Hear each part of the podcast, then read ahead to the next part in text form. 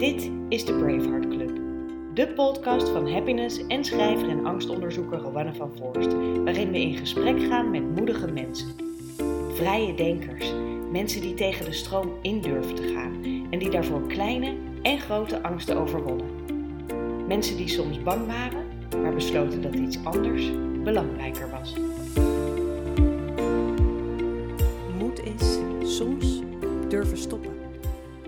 Zodat er ruimte komt voor nieuwe dingen, zodat er leegte ontstaat.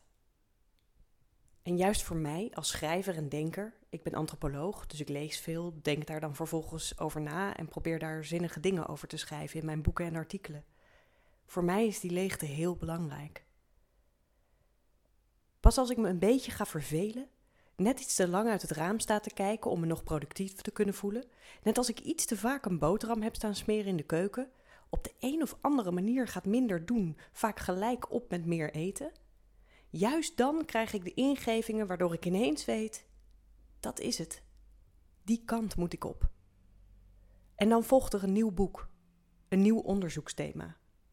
Heel soms zelfs een nieuwe liefde of het stopzetten van een relatie, omdat ik voel: dit is het niet. Ik moet hier weg. Zolang ik doordender, voel ik al die dingen niet. Dan zit ik klem in mijn dagelijkse to-do's en ga ik hard op een hoog ritme, vaar ik in topsnelheid mee met de wind van mijn productieve energie. Oh, dat voelt lekker, begrijp me niet verkeerd. En het is ook nog eens zo leuk, want als ik veel doe, doe ik meestal toffe dingen. Zoals het opnemen van deze podcast in de samenwerking met Happiness. Ik deed dat met zoveel plezier, gesprekken hebben met de moedigste mensen van Nederland, luisteren naar hoe zij dat nou doen, omgaan met angsten, onzekerheden en dingen die je wel wilt, maar niet durft. Ik leerde zoveel, ik genoot er zo van. Ik wilde dat het nooit zou stoppen. Ik wist dat het moest stoppen. Daarom vandaag in de laatste episode van de Braveheart Club een terugblik op de mooie inzichten van mijn gasten. Want hoewel hun verhalen totaal verschillend waren, kwamen er een aantal thema's en lessen consequent uit naar voren. Over hoe je succesvol kunt zijn door lef te hebben. Over hoe je je dapperste leven kunt leiden. Over hoe je jezelf net dat randje over kunt tillen als de muur veel te hoog lijkt. De mooiste lessen heb ik voor je verzameld in een aantal categorieën. En eigenlijk deed ik dat natuurlijk vooral ook voor mezelf, want reminders over moed, die kunnen we allemaal gebruiken. Het eerste inzicht heeft te maken met iets dat ik eigenlijk net al noemde, toen ik het had over de manier waarop ik zelf inspiratie krijg. Het gaat namelijk over durven luisteren naar je innerlijke wijze stem. Die stem die roept dat je iets moet proberen dat het wel een goed plan is, ook al gelooft niemand er verder in. Die stem, die moet je natuurlijk wel kunnen horen. En dat op zichzelf heeft al te maken met moed. Want soms heb je daar helemaal geen zin in. Omdat de stem je wijst op iets wat heel cool zou kunnen zijn, maar ook risicovol lijkt. Of gewoon nieuw of onbekend. En wij mensen houden niet zo van het ongekende. Ons brein is een voorspelmachine, wordt wel gezegd door wetenschappers. Het is ervoor gemaakt om gevaren te ontwijken. En dat doet het door jou steeds te wijzen op alle mogelijke gevaren die aan een situatie kleven. Laat de onbekende situaties nou net vol met van die vermeende gevaren zitten.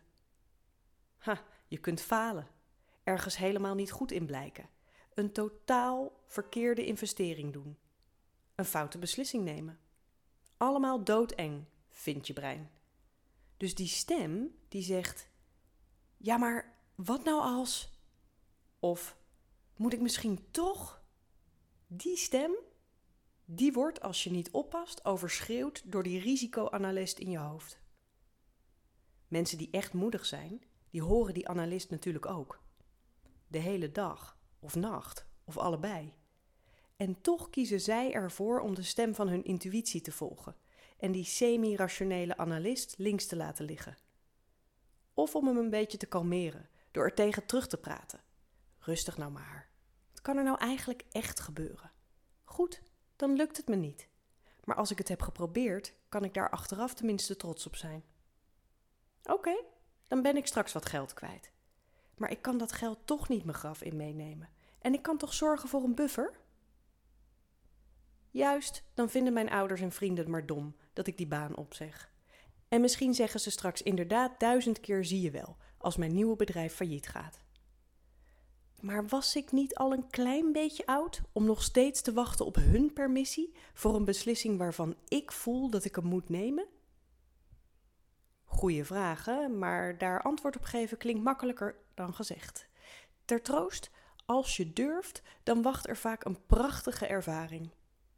Luister maar naar de allereerste Braveheart Club met Adil, die zijn comfortabele leventje in Amsterdam opgaf. Denk eigen zaak, hippe feestjes op Ibiza, om vluchtelingen in Lesbos te gaan opvangen en helpen. Hij vond door die intuïtieve beslissing de liefde van zijn leven, kreeg daar twee baby's mee en hielp honderden, zo niet duizenden mensen. Nogal iets om trots en blij op terug te kijken, straks, als hij oud en gerimpeld is.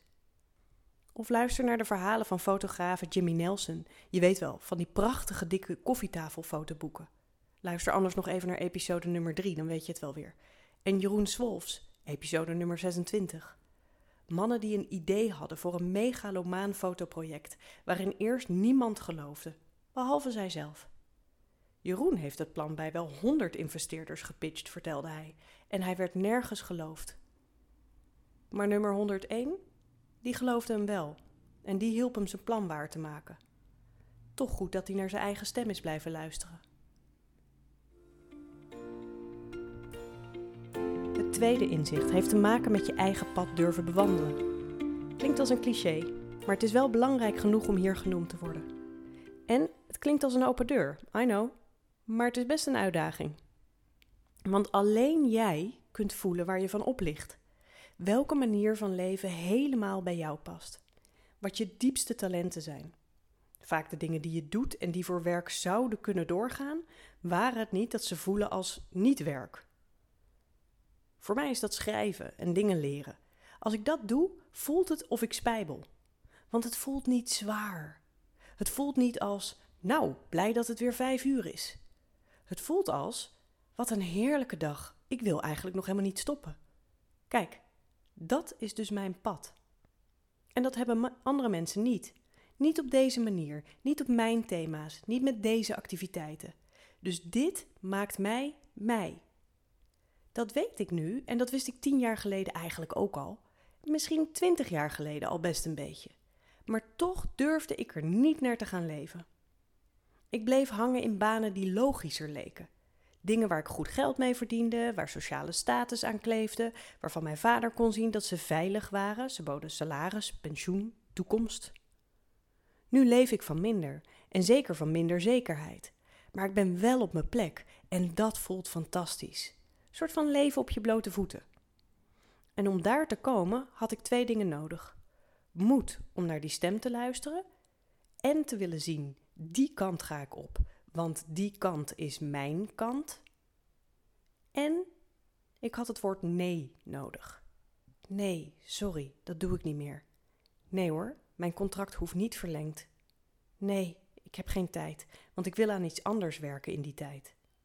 Nee werd dus eigenlijk ja. Ja tegen mijn route. Hoe meer nee tegen zijweggetjes, hoe meer tijd en energie ik overhield voor dat ene pad. Je herkent dit verhaal vast. Anderen ook. Het inzicht werd bijvoorbeeld prachtig uitgedrukt door een heel aantal van mijn Braveheart-gasten, zoals Isabeau Jensen uit episode 5. Die merkte dat ze niet een relatie wilde met één ander mens, maar met meerdere mensen, omdat ze voelde, heel diep van binnen, dat zij van allemaal evenveel kon houden. Polyamorie is nog lang niet de norm, maar zij besloot haar eigen liefdespad te gaan ontwikkelen. Omdat ze ergens wist, die route, die manier van leven, dat past misschien niet bij jou, maar wel bij mij. Arita Baaiens, episode 9, voelde dat een leven op reis bij haar paste. Dat ze maanden in haar eentje, nou ja, met een aantal kamelen, in de woestijn wilde zijn. En daarna op de rug van een paard nog veel verder weg. Risicovol, afwijkend, vreemd, zeker voor een vrouw, vonden de mensen om haar heen ongetwijfeld, maar zij wist weet, want ze is nog steeds een actieve ontdekkingsreiziger, dat ze dit moest doen. En Juno Burger, episode 25. Hij wist dat hij mensen moest gaan helpen door hun lichamen en huizen energetisch te gaan reinigen. Kijk, dat zijn drie heel verschillende voorbeelden, maar wat ze gemeen hebben is tweeledig. Allereerst durven deze Bravehearts van de norm af te wijken. En ten tweede vonden ze niet zozeer hun pad, maar vond dat pad hen. Het lag er al lang, hoogstens met wat onkruid ervoor. Maar het was er en het wachtte, eerst geduldig, tot het steeds luider begon te zeuren. Want je weet het, ik wist het, en jij weet het ook al lang als je een kant op moet. Je durft het misschien alleen nog niet.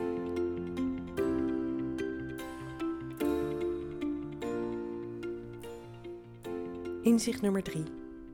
Je hoeft niet ongelooflijk sterk of talentvol te zijn om moedige dingen te doen. Je moet eigenlijk maar één ding echt goed kunnen: vasthouden. Een pitbull zijn. Niet afhaken. Waar anderen al lang opgaven, jezelf in blijven prenten dat het moet en zal lukken. Dat doet Wanda de Kanter bijvoorbeeld, uit episode 4. De longarts die strijdt tegen de veel grotere, rijkere, machtigere tabaksindustrie. Zij blijft doorgaan. En dat deed Joseph Oebelkas, die jaren onterecht in een Marokkaanse gevangenis zat. Anderen waren al lang depressief geworden of gek. Maar hij had een truc: zichzelf elke dag in de spiegel kijken, gewoon tijdens het tandenpoetsen, en in zijn eigen ogen zien wie hij was. Geen gevangene, een goed mens. En zo zou hij eruit komen. En zo kwam hij eruit. Luister maar naar episode 26. Laatste voorbeelden. Maarten van der Weijden, die bekende lange afstandszwemmer, die iets deed wat onmogelijk leek om zo geld op te halen voor onderzoek naar kanker, de ziekte die hij zelf overleefde. En Bibian Mentel, een snowboard queen, een sportheldin die negen keer kanker had, tientallen behandelingen moest ondergaan, een been kwijtraakte en telkens weer ziek wordt. Ook nu nog.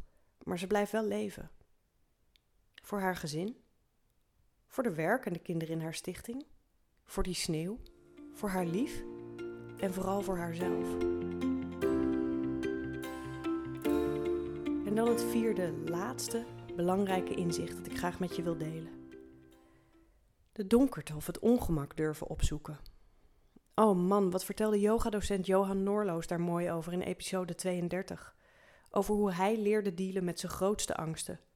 Doodgaan, want hij was ziek, en anderen in de steek laten door misschien wel weg te vallen of misschien wel weg te lopen. En hij deelde met die angsten door zichzelf ermee te confronteren, door het te zien en het aan te gaan. eigenlijk gaat het daar bij Iceman Wim Hof, die je hoort in episode 31, ook over. Het ongemak, de kou, waar je bang voor bent omdat we als mensen kou associëren met gevaar en schrik, die aangaan en er dan in te ontspannen. Moet je dan eens kijken of luisteren naar hem, wat er gebeurt. Sadetin Kirmisius en Marjolein van Heemstra doen het ook leer je uit hun verhalen in episodes 29 en 21. Door steeds theaterstukken te maken die schuren tegen wat prettig is om over na te denken. Over onze neiging tot uitsluiting, ons drugsgebruik, onze arrogantie als we weer eens denken dat wij het beter weten dan de asociale buurtgenoot. Vinden wij, hè? Vinden zij ook, want ze sparen vooral ook zichzelf niet. Best lastig, leek mij, maar ook louterend. Want door te verlichten wat anders in de schaduw leeft, creëer je letterlijk opluchting. Er komt lucht bij, licht en lucht. Het wordt bespreekbaar, het wordt grappig, het wordt actionable. Je kunt het zien en er iets aan doen. Zoveel gesprekken, zoveel inzichten, zoveel wijsheden. En nu is het tijd voor een nieuwe episode. Niet van de Braveheart Club, maar van mijn eigen werk en leven. Ik ga me de komende tijd bezighouden met de toekomst. Preciezer gezegd, met wat ik menselijke duurzaamheid noem. Ik wil weten hoe we menselijk kunnen blijven in tijden van polarisatie, technologie en hyperconnectie. Ik wil weten wat de toekomst is van vriendschap, liefde, samenleven, van mens zijn. En één ding weet ik alvast zeker. In de toekomst hebben we moed nodig, als een van onze hoogste waarden. De moed om vriendelijk te blijven als de ander verhardt de moed om flexibel te blijven als steeds meer zekerheden wegvallen. Om toch je eigen bedrijf te starten, omdat vaste contracten uitsterven. Om kritiek te durven uiten als je voelt dat de norm niet langer juist is. We hebben Bravehearts nodig. Misschien helpt het om de episodes nog eens terug te luisteren af en toe. Ga ik wel doen de komende tijd, om me steeds weer te laten inspireren door al die vrije denkers, doeners en pioniers. Laat je me in een review weten welke inzichten jij meeneemt? Dat is niet alleen geweldig voor mij, omdat ik dan weer eens merk dat er echt naar geluisterd wordt, en dat blijft toch altijd magisch als podcastmaker, maar ook voor andere mensen. Want door iets in de podcast-app van je telefoon of direct op iTunes in een review te schrijven, zorg je er ook nog eens voor dat andere mensen deze serie makkelijk kunnen vinden. En zij vinden de inzichten misschien ook nuttig de komende tijd. Normaliter eindig ik deze serie met een vaste zin. Tot de volgende Braveheart Club. Deze keer zeg ik wat anders. Tot in de toekomst, lieve luisteraar. Durf maar te gaan. Dan zie ik je daar.